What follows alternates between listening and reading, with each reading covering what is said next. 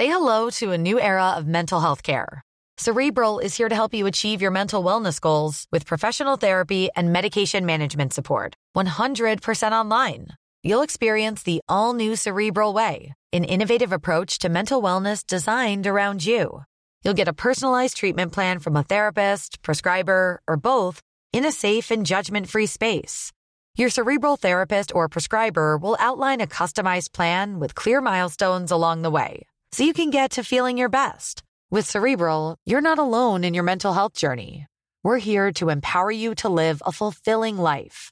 So take that first step towards a brighter future and sign up today at cerebral.com slash podcast and use code ACasts to get 15% off your first month. Offer only valid on monthly plans. Other exclusions may apply. Offer ends July 31st, 2024. See site for details.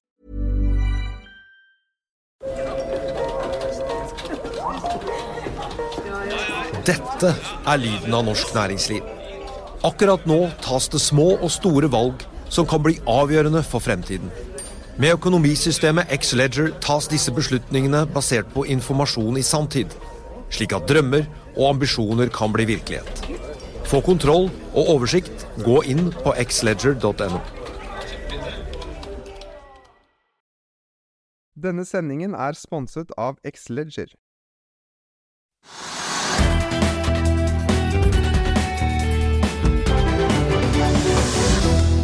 Tap for Entra gir smekk for aksjonærene, mens Okea tar et tap som børsen ikke ser ut til å bry seg så veldig mye om. Det er onsdag 19. oktober. Velkommen til Økonominyhetene. Der havvind er tema når vi får besøk av Knut Vassbotn i Deep Wind Offshore litt senere i sendingen. Men først la oss ta en titt på markedet akkurat nå. Hovedveksten på Oslo Børs ned 0,53% etter at vi så en oppgang i går på 0,9.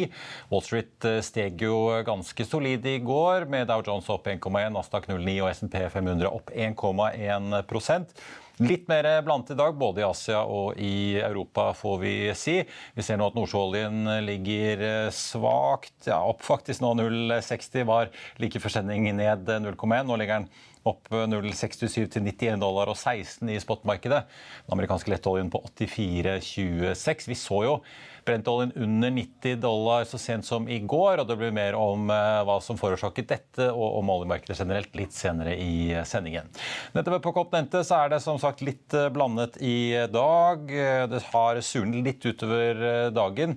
Vi ser bl.a. at aksjemarkedet i Storbritannia, UK 100-indeksen, ned nå 0,4 det har jo kommet inflasjonstall fra Storbritannia i dag, og etter at vi så da svenskene klinke til med en konsumprisindeks på 10,8% i september målt på årsbasis, så følger britene opp nå med en konsumprisindeks på 10,1, opp fra 9,9% da i august.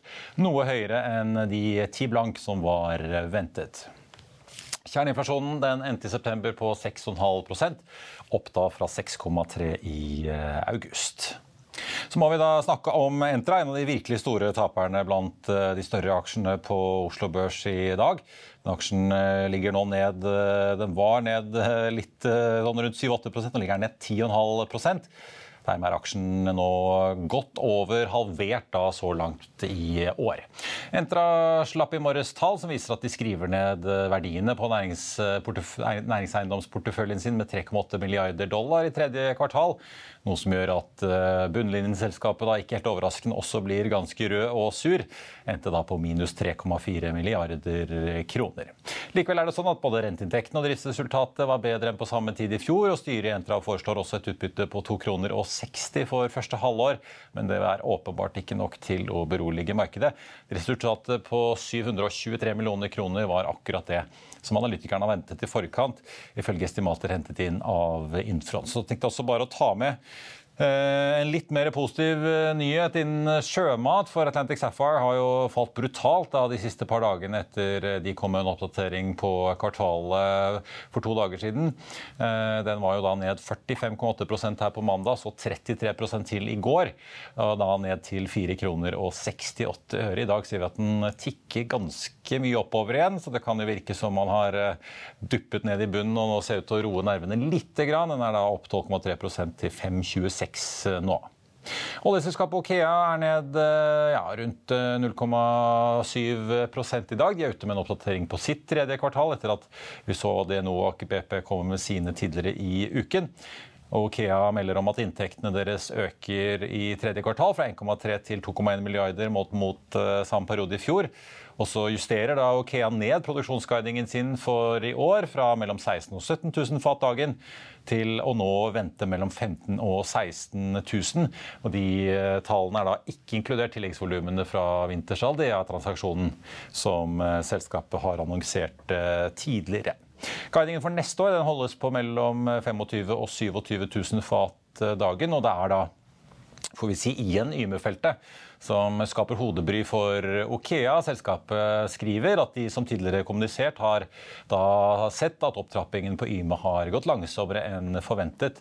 Og det er da en skade på prosessrørsystemet i tredje kvartal som resulterte i at man fikk en uønsket da produksjonsstans på seks eh, uker.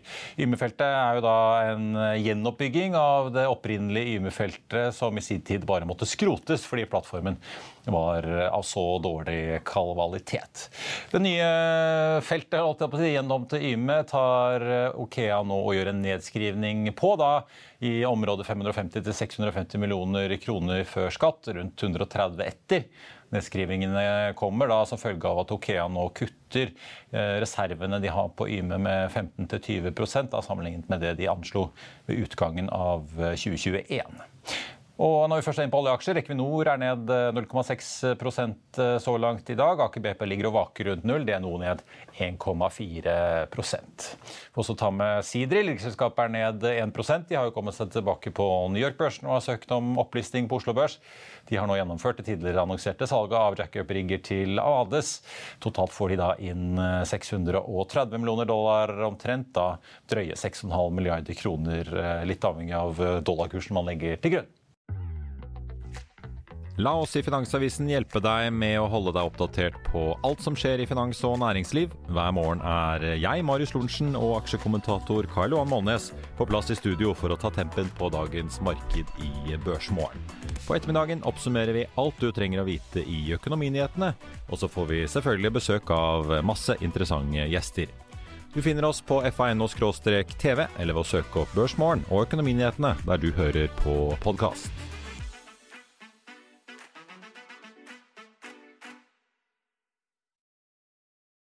Da skal vi snakke havvind og få med en gjest som har vært med på en samling i bransjen her i Oslo denne uken. Velkommen til oss, Knut eh, Vassbotn, sjef i eh, Deep Wind Offshore. Pass på å uttale det riktig. Velkommen. Du, eh, Havvindkonferansen har vært avholdt. Alle fra Equinor til NV og dere har vært samlet her i byen for å ta en fot i bakken.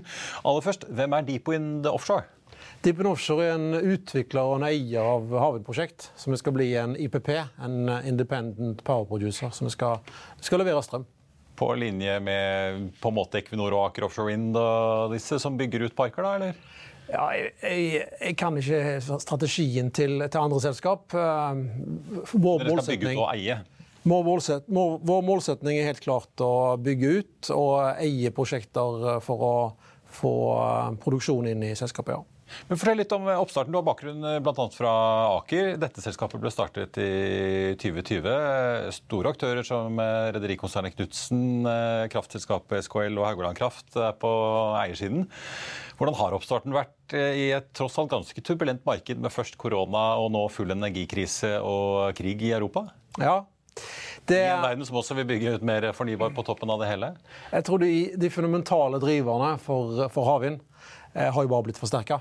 I tillegg til dekarbonisering, økt eh, elektrisitetsbehov, så har man fått eh, energy security, eh, spesielt i Europa, som, som gjør at europeiske land har økt sitt ambisjonsnivå betydelig.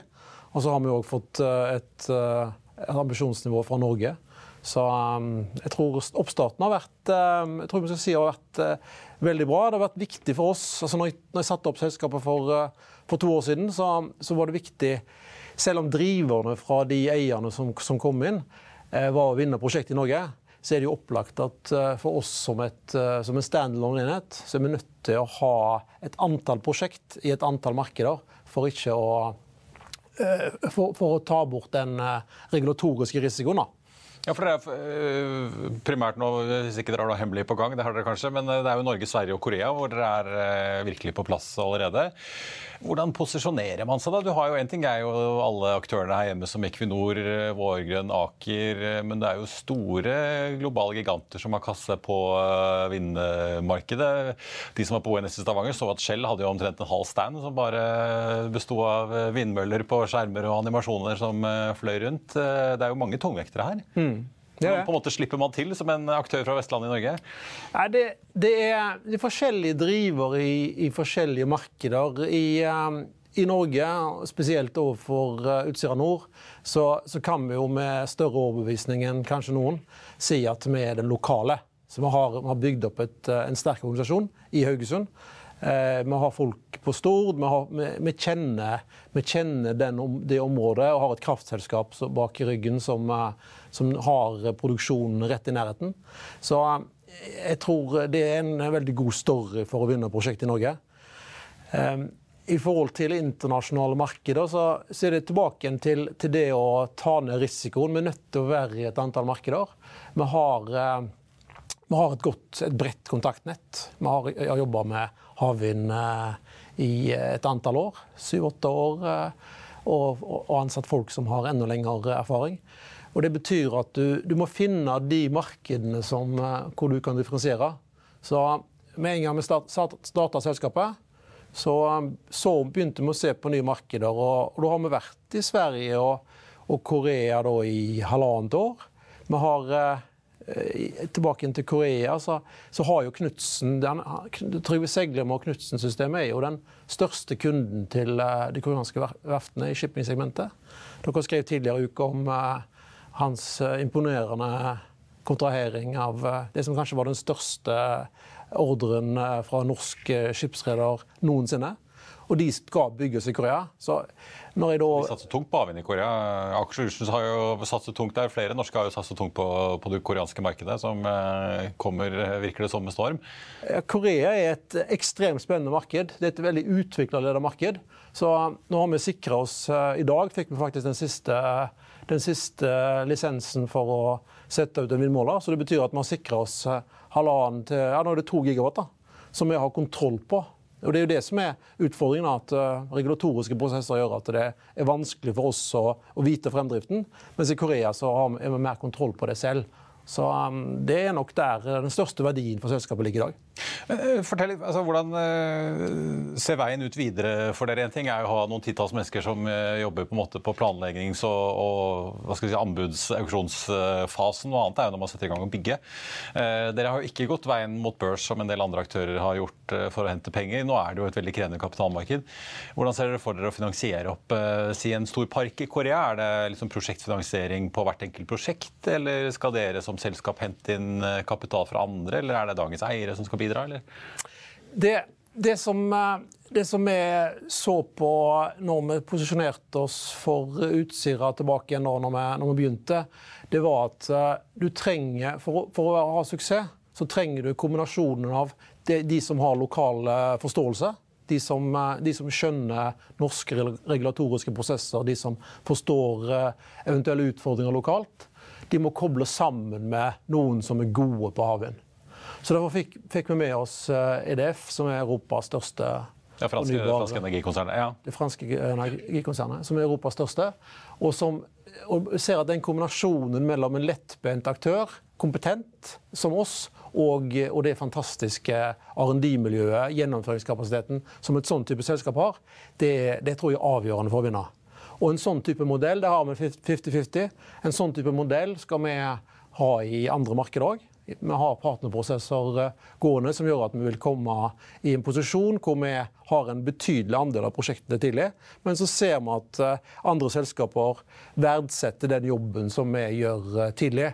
Og den jobben kan vi gjøre mye bedre, mye enklere, mye mer lettbent. Vi kan ta Samtidig som du kan trekke på musklene til type EDF eller andre store aktører som eh, så, både har egne bankkontoer og har muligheten også til å få inn kapital ja, på en annen måte. Ja, så det blir jo, det blir jo standalone-selskaper som, som, skal finansieres. Men selv om, selv om, kapitalmarkedet kanskje er litt krevende, spesielt på børs, så har ikke jeg noen indikasjoner på at eh, det er noe mindre ønske og vilje i pensjonsfond og i andre, i andre, strukturer som sitter på betydelig kapital, til å investere i uh, fremtidsrettet uh, ny grønn energiproduksjon. Ja, i hvert fall det man hørte fra Pareto på Pareto-konferansen her om dagen. At uh, så lenge prosjektet er riktig, så står det ikke på pengene. Men la oss snakke litt om, om, utviklingen her hjemme. Nå har jo bransjen da samlet seg her i går. Eh, på land fikk man nå slengt en grunnrenteskatt i ansiktet. Vannkrafteierne er jo stressa for den høyverdiavgiften eller bidraget som kommer på toppen. Ganske mange betydelige endringer på kort tid. Eh, hva er snakkisen i bransjen nå med tanke på havvind? Er det større usikkerhet for hvordan dette vil utvikle seg i Norge nå etter de endringene som andre deler av kraftbransjen har merket, eller? Altså, regulatoriske endringer, endringer i skatteregimet er jo alltid uheldig. Eh, nå skal ikke jeg, jeg skal ikke si for altfor mye om, eh, om, det skatteregimet. Det tror jeg eh, mine eiere og kraftselskaper har, har, bra kontroll på. De har, de har jo investeringer som, som, kan være krevende å gjennomføre. eksempelvis type teknologi som også kan være relevant inn og løfte, løfte havvindprosjekt. som, som kan balansere et havvindprosjekt. Men for oss så er ikke så bekymra for på kort sikt. For på kort sikt, så når de første prosjektene nå skal gjennomføres på Sørlig Nordsjø 2 og Utsira Nord, så er vi nødt til å ha i hvert fall på Utsira Nord, så er vi nødt til å ha en, eh, en viss eh, støtte. Og eh, så, så, sett så er det jo ikke det, det, det, er i hvert fall ikke her superprofitten ligger. Nei. Den ligger kanskje i oljebransjen. Og, og, og da er det naturlig å, å se, på, se, på, det snarere enn å, enn å se på beskatning av av en næring som ikke er moden ennå. Nå har jo dagens regjering i hvert fall signalisert dette målet da, om å ha tildelt eh, areal som skal gi 30 gigawatt innen 2040. De har ikke sagt bygget ut, så vidt jeg har merket meg, i hvert fall, men tildelt.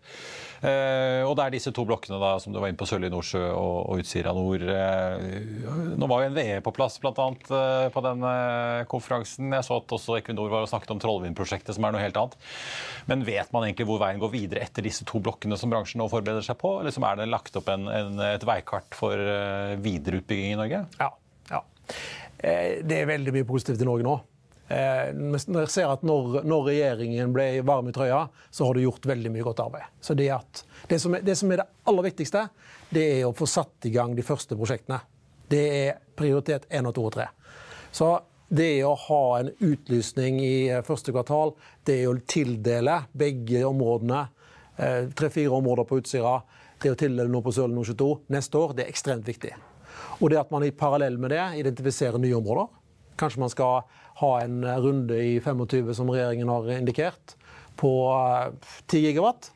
Det vil gjøre at du bygger mye av det volumet som skal inn i, eh, i det 2040-målet. Ja, For dere som bransje må vel også vite liksom hva som kommer etter hele tiden, for å kunne både, både på leverandørsiden og utbyggersiden på en måte kontinuerlig planlegge og skalere opp? Ja, ja. Men, det, men, men, alt ligger til rette nå. Nå er det bare å gjennomføre på, det, på de lovnadene som ligger der. Det at man har få i gang nå til neste år og eh, ha en klar ambisjon, begynne å bli mer detaljert når man kommer til 25, det, det er egentlig mer enn nok eh, for nå. Eh, til slutt, nå tenkte jeg bare, altså Dere holder jo da på som jeg var inne på Norge, Sverige, Korea. Som bransje nå, nå er vi jo inne i en tid hvor vi både har den energikrisen hvor Europa åpenbart trenger voldsomme mengder energi hvis man skal erstatte Russland. Samtidig så har vi veldig høy inflasjon, som vi jo ser spre seg inn i alt fra oljeprosjekter til ting på land. Sånn summa summarum For bransjen er det mange prosjekter som blir veldig presset når kostnadene på mye komponenter og deler har eh, steget såpass?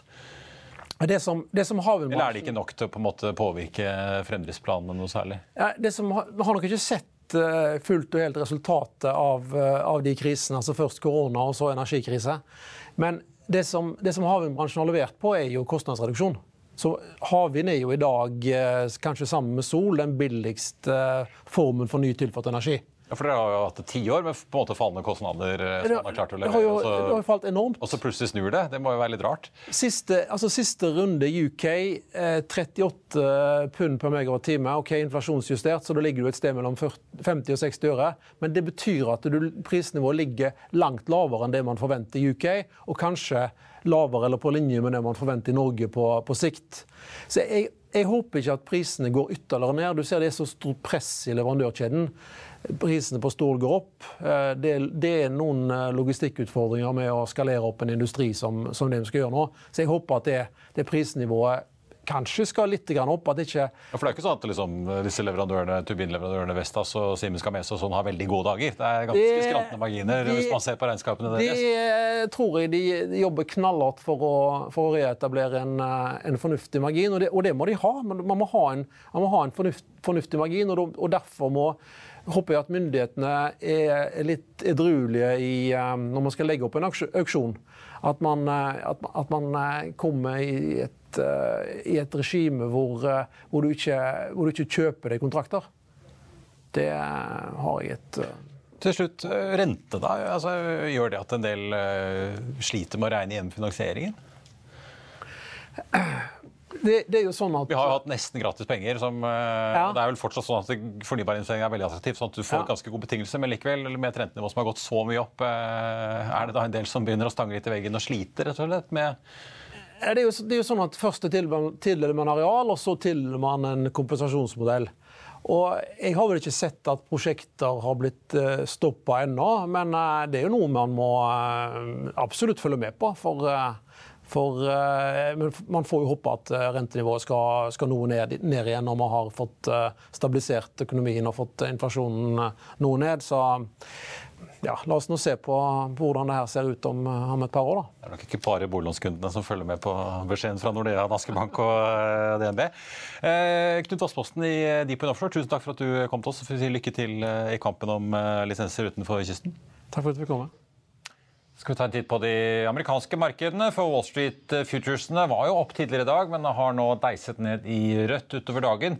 Bare en da drøy, ja, drøy, drøy halvtimen før Wall Street eh, åpner. Vi har jo nå fått uh, tall på bordet som viser en svakere boligbygging i USA i september enn det som var ventet. Boligbyggingen falt 8,1% i september til en sesongjustert byggetakt på eh, årsbasis på 1,439 millioner eh, boliger. Det var ventet 1,475.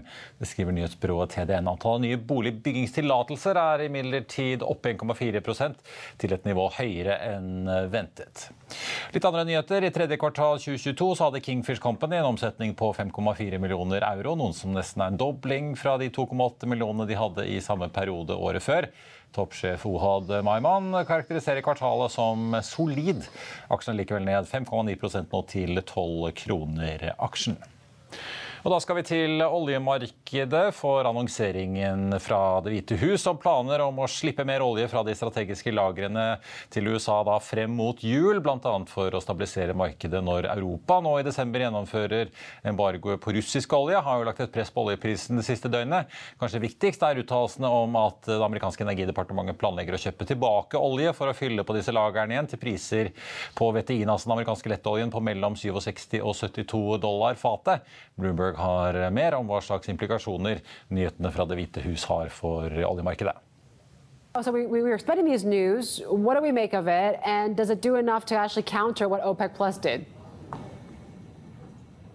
You know, there are a lot of different factors in this market, but it almost seems like whatever Biden does, if it's a if it's a 15 million release, he's talking about potentially doing another release on top of this in January. Yes, it will provide maybe some short-term relief for the market. You might see what we did, a, a short downturn in, in oil prices, but they're back up again because 15 million barrels is nothing when you're talking about OPEC removing, you know, two over two million barrels a day in their in their latest cut. Um, so that's one thing to remember. But another thing is, it doesn't really almost matter what OPEC and Biden do. These are these are small numbers compared to what a potential recession could do for demand uh, for oil and gasoline. And I think that's still what the market is focusing on. I think when you see action by the Fed, when you look at interest rates rising, and you look at the possibility of a slowdown in the economy, that's going to have a wider seismic impact on prices. And so when, when you do see these short-term moves based on what OPEC Plus says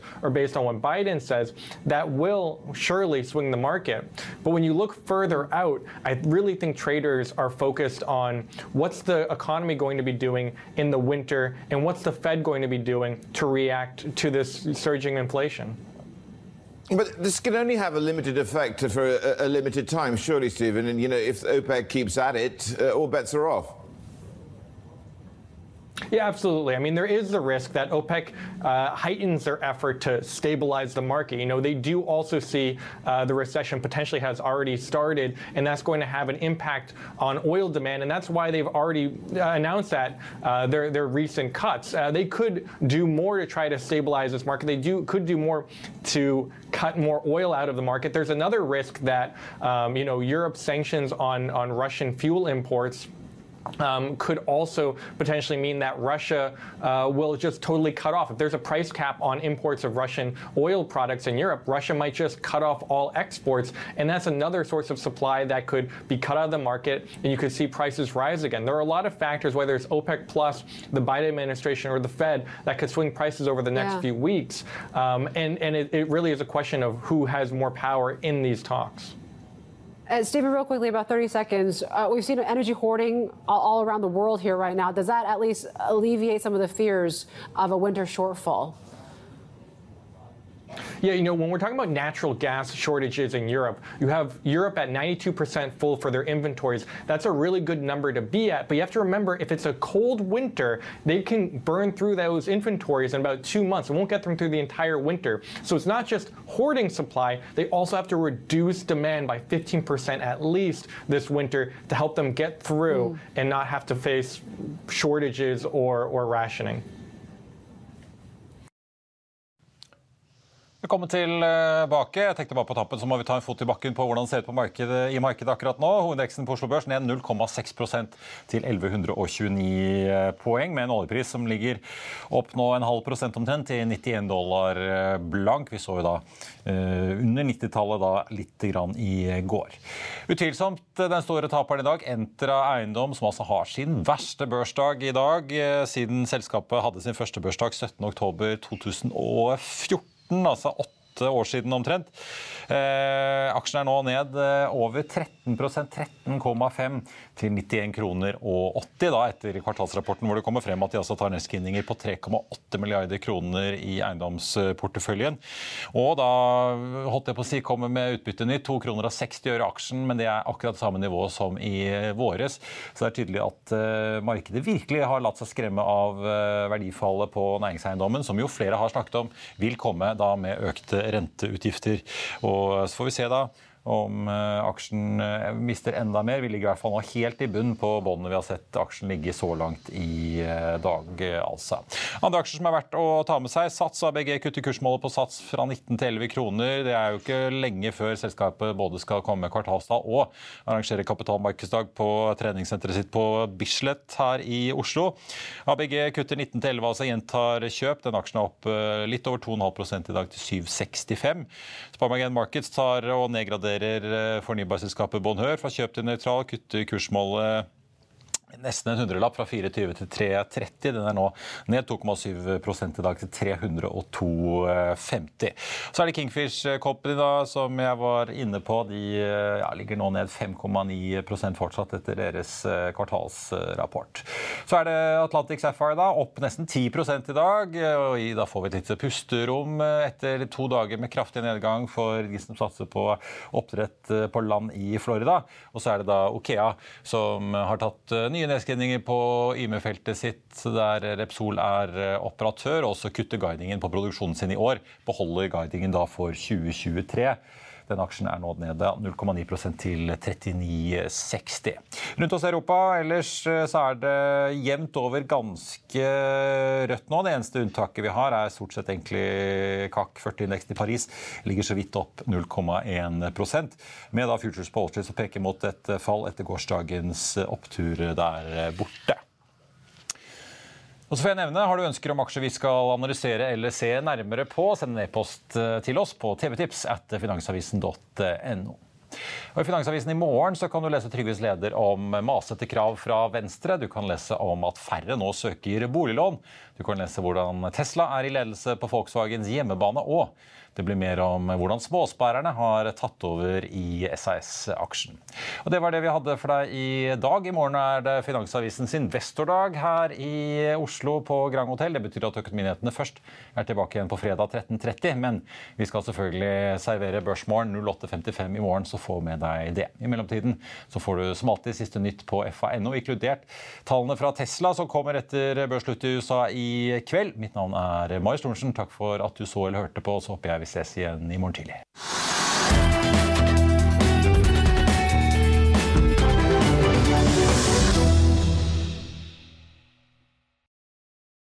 Denne sendingen er sponset av Xleger. Økonominyhetene er en podkast og videoproduksjon fra Finansavisen. Programleder er Marius Lorentzen. Aksjekommentator er Karl Johan Molnes.